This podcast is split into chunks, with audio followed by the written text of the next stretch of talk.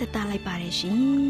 တော်တာရှင်များရှင်ခရစ်နှစ်2022ခုနှစ်ဩဂတ်စ်လ1ရက်မြန်မာတက္ကရာ1384ခုနှစ်ဝါကောင်လာဆန်း9ရက်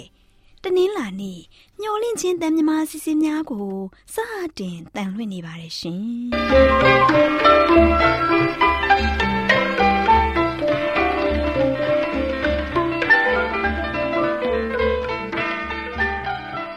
တော်တာရှင်များခင်ဗျာ မျောလင့်ချင်းအတန်မြန်မာအစီအစဉ်ကိုနက်နက်6နာရီမိနစ်30မှ9နာရီထိ16မီတာ kHz တစ်ခွန်ခွန်23ညညပိုင်း9နာရီမှ9နာရီမိနစ်30အထိ25မီတာ kHz 11943ညမှအတန်လွှင့်ပေးနေပါတယ်ခင်ဗျာ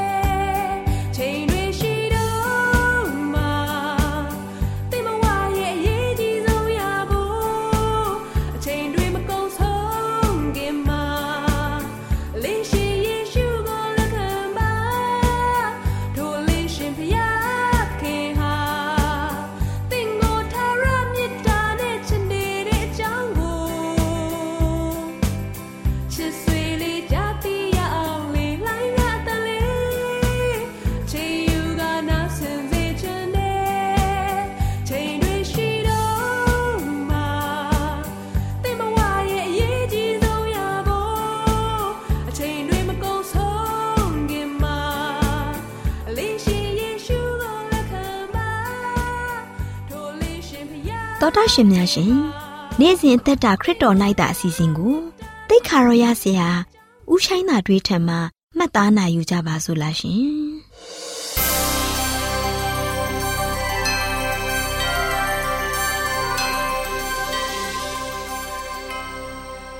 ချစ်တော်တာရှင်ဓမ္မမိတ်ဆွေညီကိုမောင်မများအားလုံး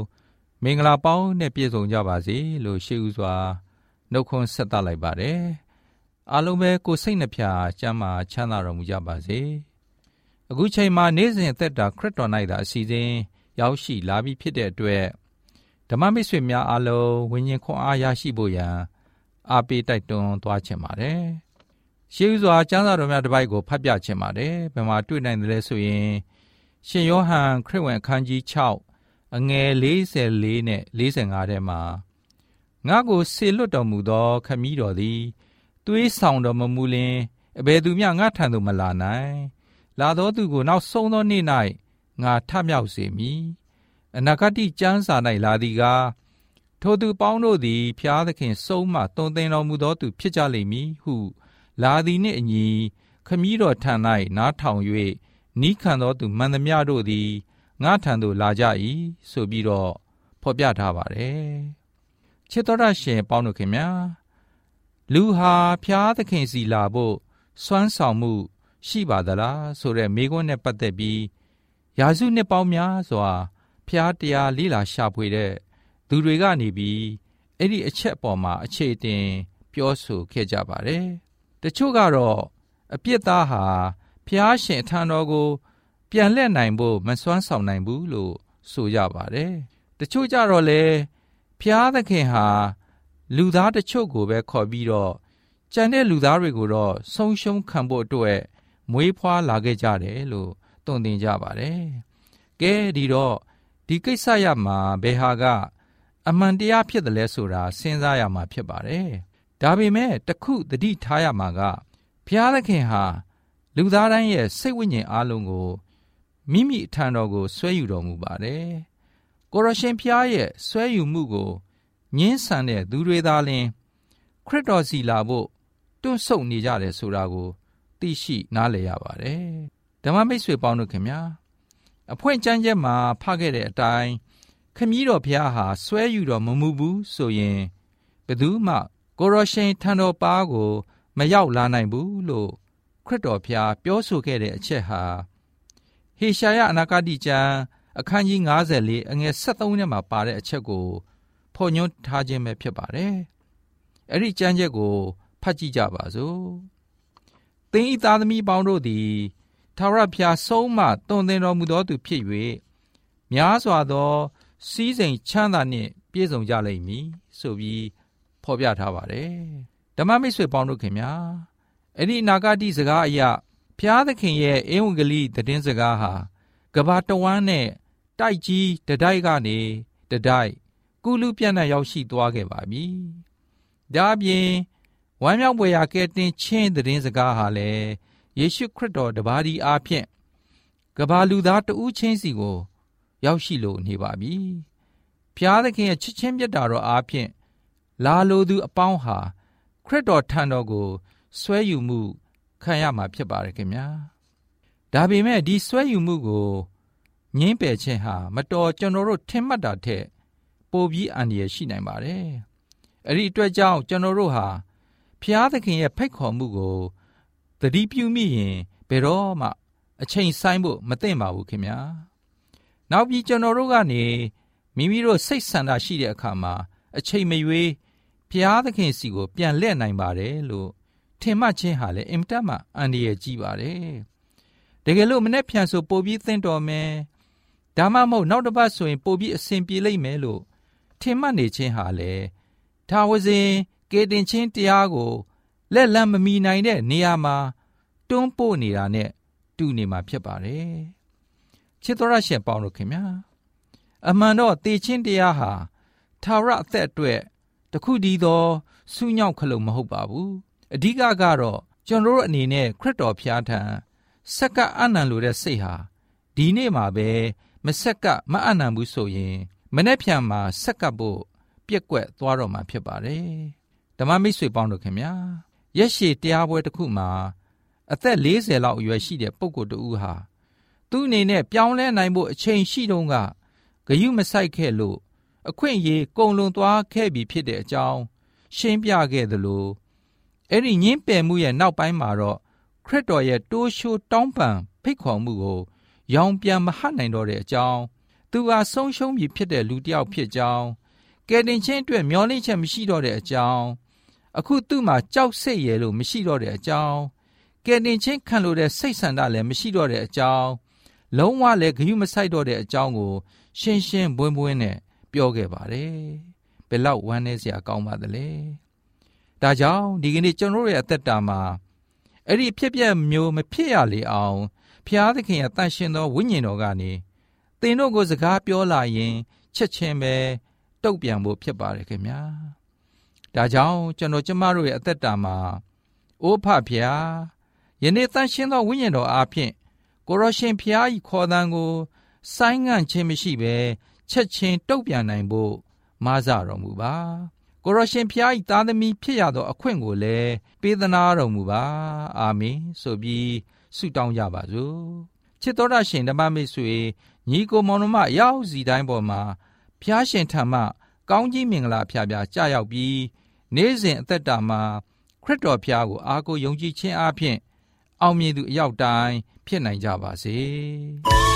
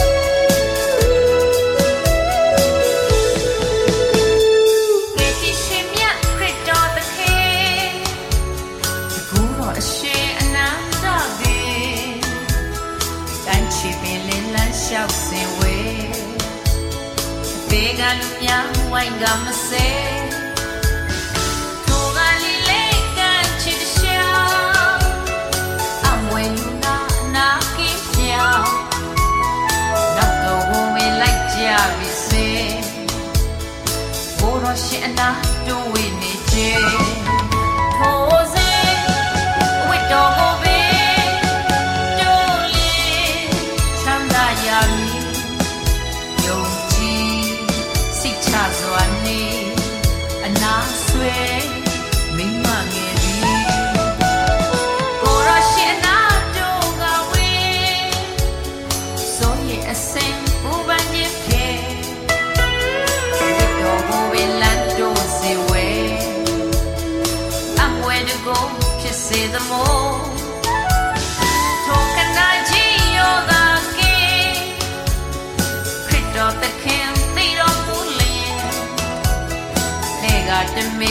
ခ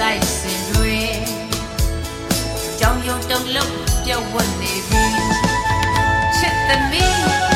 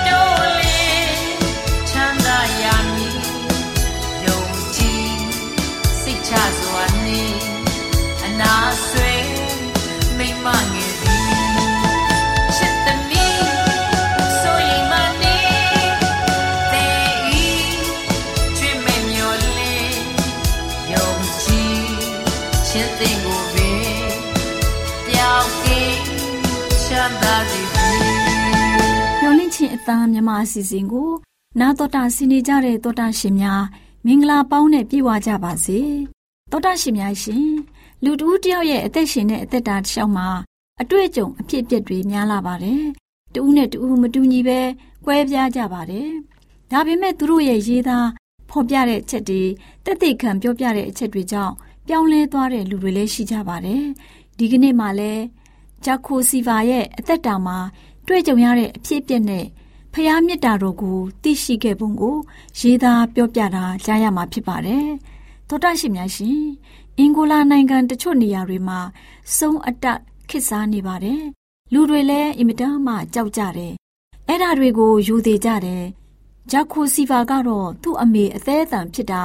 စုံအတက်ကိုအပြစ်တင်တယ်။ဒါနဲ့စုံအတက်ရဲ့ပြူစားတာကိုလွတ်မြောက်ဖို့တခြားနေရာကိုပြောင်းရွှေ့သွားတယ်။ နောက်ပိုင်းသူ့အမေဟာအသေးအတန်ဖြစ်တဲ့အခါမှာအနီးအနားဆရာဝန်လည်းမရှိ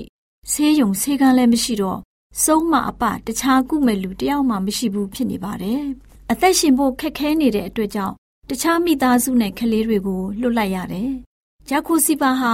နွားကြောင်းနေရတယ်။ဒါပေမဲ့သူဟာ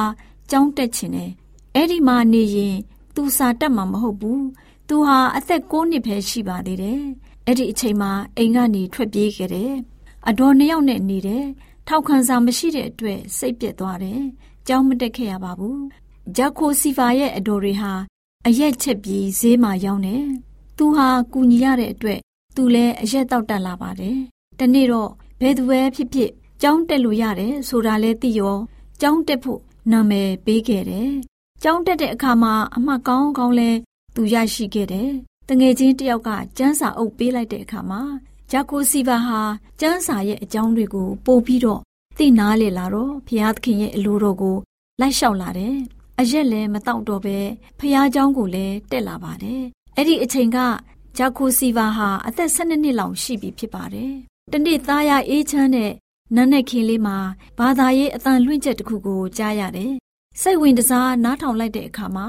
စနေနေ့ဥပုံနေ့အကြောင်းနဲ့ ကြားဘူးတဲ့သတင်းစကားတွေကြားရတယ်။အသင်အုပ်ဆရာသမားတွေကို မေးတဲ့အခါမှာ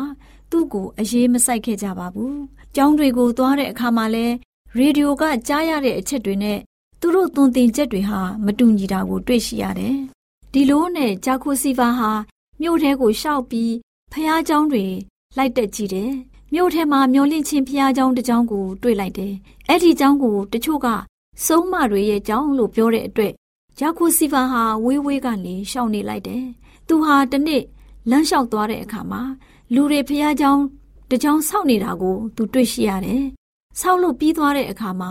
အေဝံဂေလိတရားပွဲရှိတယ်လို့စာတန်းထိုးထားပါတယ်။အချိန်လဲကြာရောတရားဟောစည်းဝေးစတဲ့အခါမှာဂျာခိုစီဗာဟာတရားပွဲသွားနားထောင်တဲ့အခါကျတော့တိတ်ပြီးစိတ်ဝင်စားသွားပြီးတော့သူ့ရဲ့အသက်တာကိုဖျားသခင်ထံမှာအနံလိုက်တယ်။ ဒါပေမဲ့သူ့အမေသိတဲ့အခါမှာမျောလင့်ချင်းအသင်းတော်ဟာစုံးမဖြစ်တယ်ဆိုပြီးသူ့ကိုသတိပေးလိုက်တယ်။ဒါပေမဲ့ဂျာခိုစီဗာကသူများဘာပြောပြောဖျားသခင်ရဲ့အမှန်တရားကိုတုံသင်တဲ့အသင်းတော်ကိုကျွန်တော်တွေ့ပြီလို့ပြောခဲ့ပါတယ်။ကျမ်းစာနဲ့ကိုက်ညီတဲ့တုံသင်ချက်တွေဖြစ်တယ်။ဖျားသခင်ရဲ့မှန်တဲ့နှုတ်ကပတ်တော် အတိုင်းပဲလှုပ်ဆောင်ကြတယ်။စုံမတွေမဟုတ်ပါဘူး။ဖျားသခင်ရဲ့သားသမီးတွေဖြစ်တယ်။ရေဒီယိုမှအသံလွှင့်ပေးတဲ့ဌာနဟာမျော်လင့်ခြင်းအသင်းတော်မှ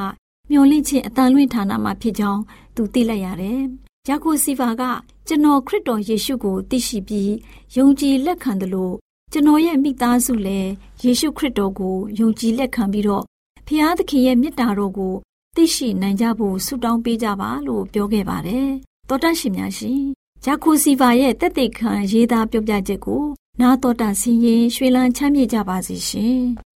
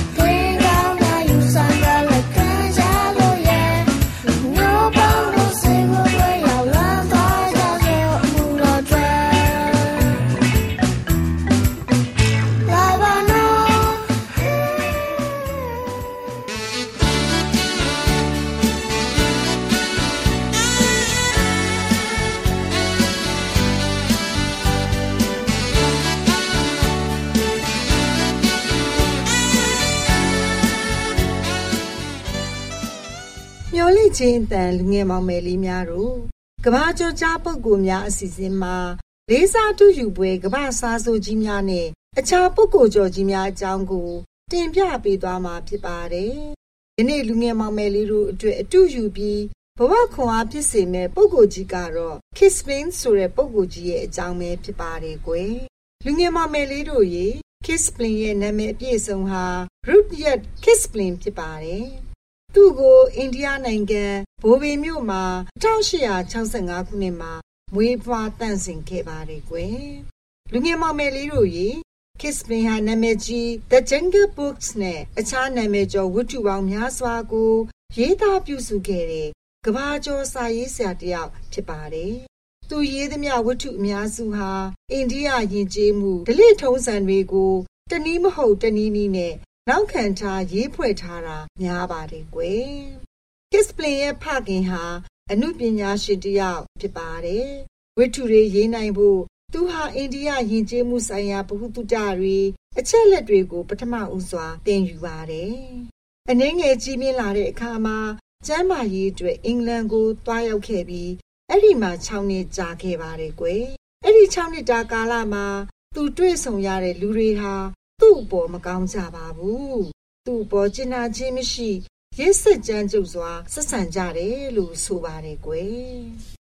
လူငယ်မောင်မယ်လေးတို့ရေကစ်ပလင်ဟာလိန်လေလှည့်ဖြားတာတွေကို အလွန်မုန်းတီးပါတယ်အလွန်ယုံမုန်းပါတယ်ကွယ်ခစ်ပလင်ဟာစီကံကြီးလာတဲ့ကျောင်းမှာစပြီးတော့ကျောင်းတက်ပါတယ်။သူ့ရဲ့အသက်16နှစ်အရွယ်မှာအိန္ဒိယနိုင်ငံကို ပြန်ပြီးတော့လာခဲ့ပါတယ်။ journalist အလုပ်တွေကိုလုပ်ရင်းစာတွေကိုရေးပါတယ်။ဒီလိုနဲ့10နှစ်အတွင်းမှာခစ်ပင်ဟာ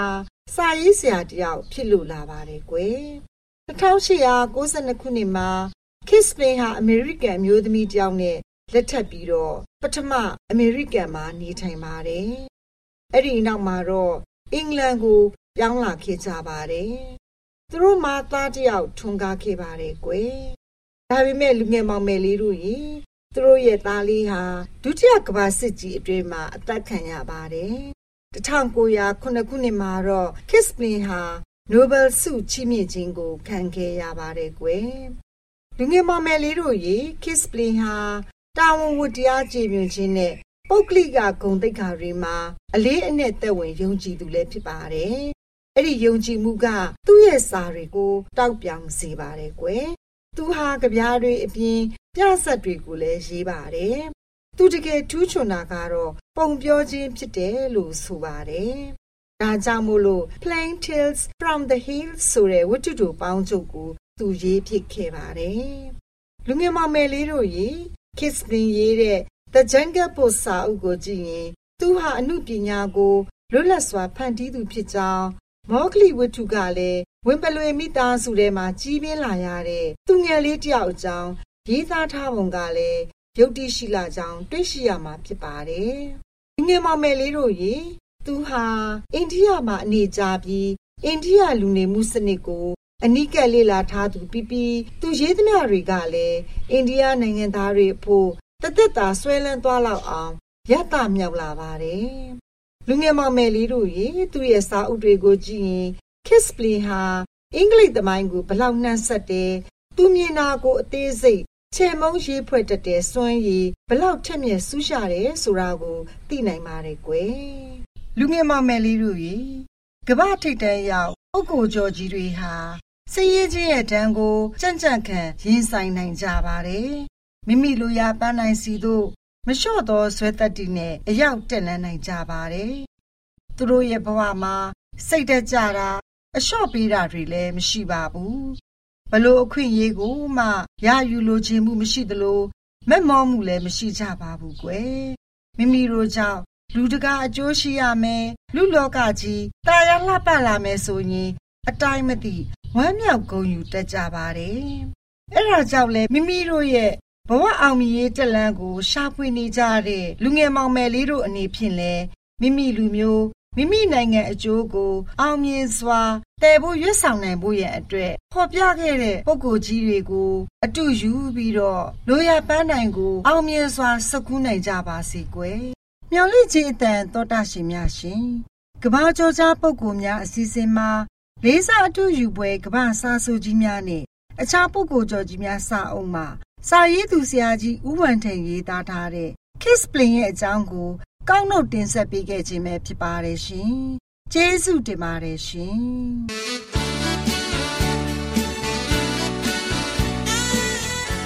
။သောတာရှင်များရှင်ကျမတို့ရဲ့ဗျာဒိတ်တော်စာပေးစာယူသင်တန်းဌာနမှာ အောက်ပါသင်တန်းများကိုပို့ချပေးလျက်ရှိပါတယ်ရှင်။သင်တန်းများမှာစိတ်ဓာတ်ဒုက္ခရှာဖွေခြင်းခရစ်တော်၏အသက်တာနှင့်တုန်တင်ချက်များတဘာဝတရားဤဆရာဝန်ရှိပါကျမ်းမာခြင်းနဲ့အသက်ရှည်ခြင်း သင်နဲ့တင့်ကြမာရေးရှားဖွေတွေ့ရှိခြင်းလမ်းညွန်သင်ခန်းစာများဖြစ်ပါရဲ့ရှင်။သင်တန်းအလုံးဟာအခမဲ့သင်တန်းတွေဖြစ်ပါတယ်။ဖြစ်ဆိုပြီးတဲ့သူတိုင်းကိုဂုံပြုလွှာချီးမြှင့်ပေးမှာဖြစ်ပါရဲ့ရှင်။တော်တာရှင်များခင်ဗျာဓာတိတော်အတန်းစာပေးစာယူဌာနကိုဆက်သွယ်ခြင်းနဲ့ဆိုရင်တော့ဆက်သွယ်ရမယ့်ဖုန်းနံပါတ်ကတော့39 656 296 336နဲ့39 98 316 694ကိုဆက်သွင်းနိုင်ပါတယ်။ဓာတ်တော်အတန်းစာပေးစာဥထာဏာကိုအီးမေးလ်နဲ့ဆက်သွယ်ခြင်းနဲ့ဆိုရင်တော့ l a l r a w n g b a w l a @gmail.com ကိုဆက်သွင်းနိုင်ပါတယ်။ဓာတ်တော်အတန်းစာပေးစာဥထာဏာကို Facebook နဲ့ဆက်သွယ်ခြင်းနဲ့ဆိုရင်တော့ s o e s a n d a r Facebook အကောင့်မှာဆက်သွင်းနိုင်ပါတယ်။ AWR မျော်လင့်ခြင်းအတန်ကိုအားပေးနေတယ်တော်တာရှင်များရှင် မျော်လင့်ခြင်းအတန်မှာအကြောင်းအရာတွေကိုပုံမသိရှိပြီးဖုန်းနဲ့ဆက်သွယ်လိုပါက39 2939 3926ခွန်45နောက်ထပ်ဖုန်းတစ်လုံးအနေနဲ့39 688 464 48ခွန်ကိုဆက်သွယ်နိုင်ပါတယ်ရှင် AWR မျော်လင့်ခြင်းအတန်ကို Facebook နဲ့ဆက်သွယ်ခြင်းနဲ့ဆိုရင်တော့ AWR ရန်ကုန် Facebook Page မှာဆက်သွယ်နိုင်ပါတယ်ခင်ဗျာအင်တာနက်ကနေမျော်လင့်ခြင်းအတန်ရေဒီယိုအစီအစဉ်တွေကိုနားထောင်ခြင်းနဲ့ဆိုရင်တော့ website လိပ်စာကတော့ www.awr.org ဖြစ်ပါတယ်ခင်ဗျာတော်တာရှင်များရှင် KSTA အာကခွန်ကျွန်းမှာ AWR မျိုးလင့်ချင်းအတံမြန်မာအစီအစဉ်များကိုအတံလွှင့်ခဲ့ခြင်းဖြစ်ပါတယ်ရှင် AWR မျိုးလင့်ချင်းအတံကိုနာတော်တာဆင် gay ကြတော့တောတာရှင်အရောက်တိုင်းပေါ်မှာဖျားသခင်ရဲ့ကြွယ်ဝစွာသောကောင်းကြီးမင်္ဂလာတက်ရောက်ပါစေ။ကိုစိတ်နှဖျားကျမ်းမာရွှင်လန်းကြပါစေကျေးဇူးတင်ပါတယ်ခင်ဗျာ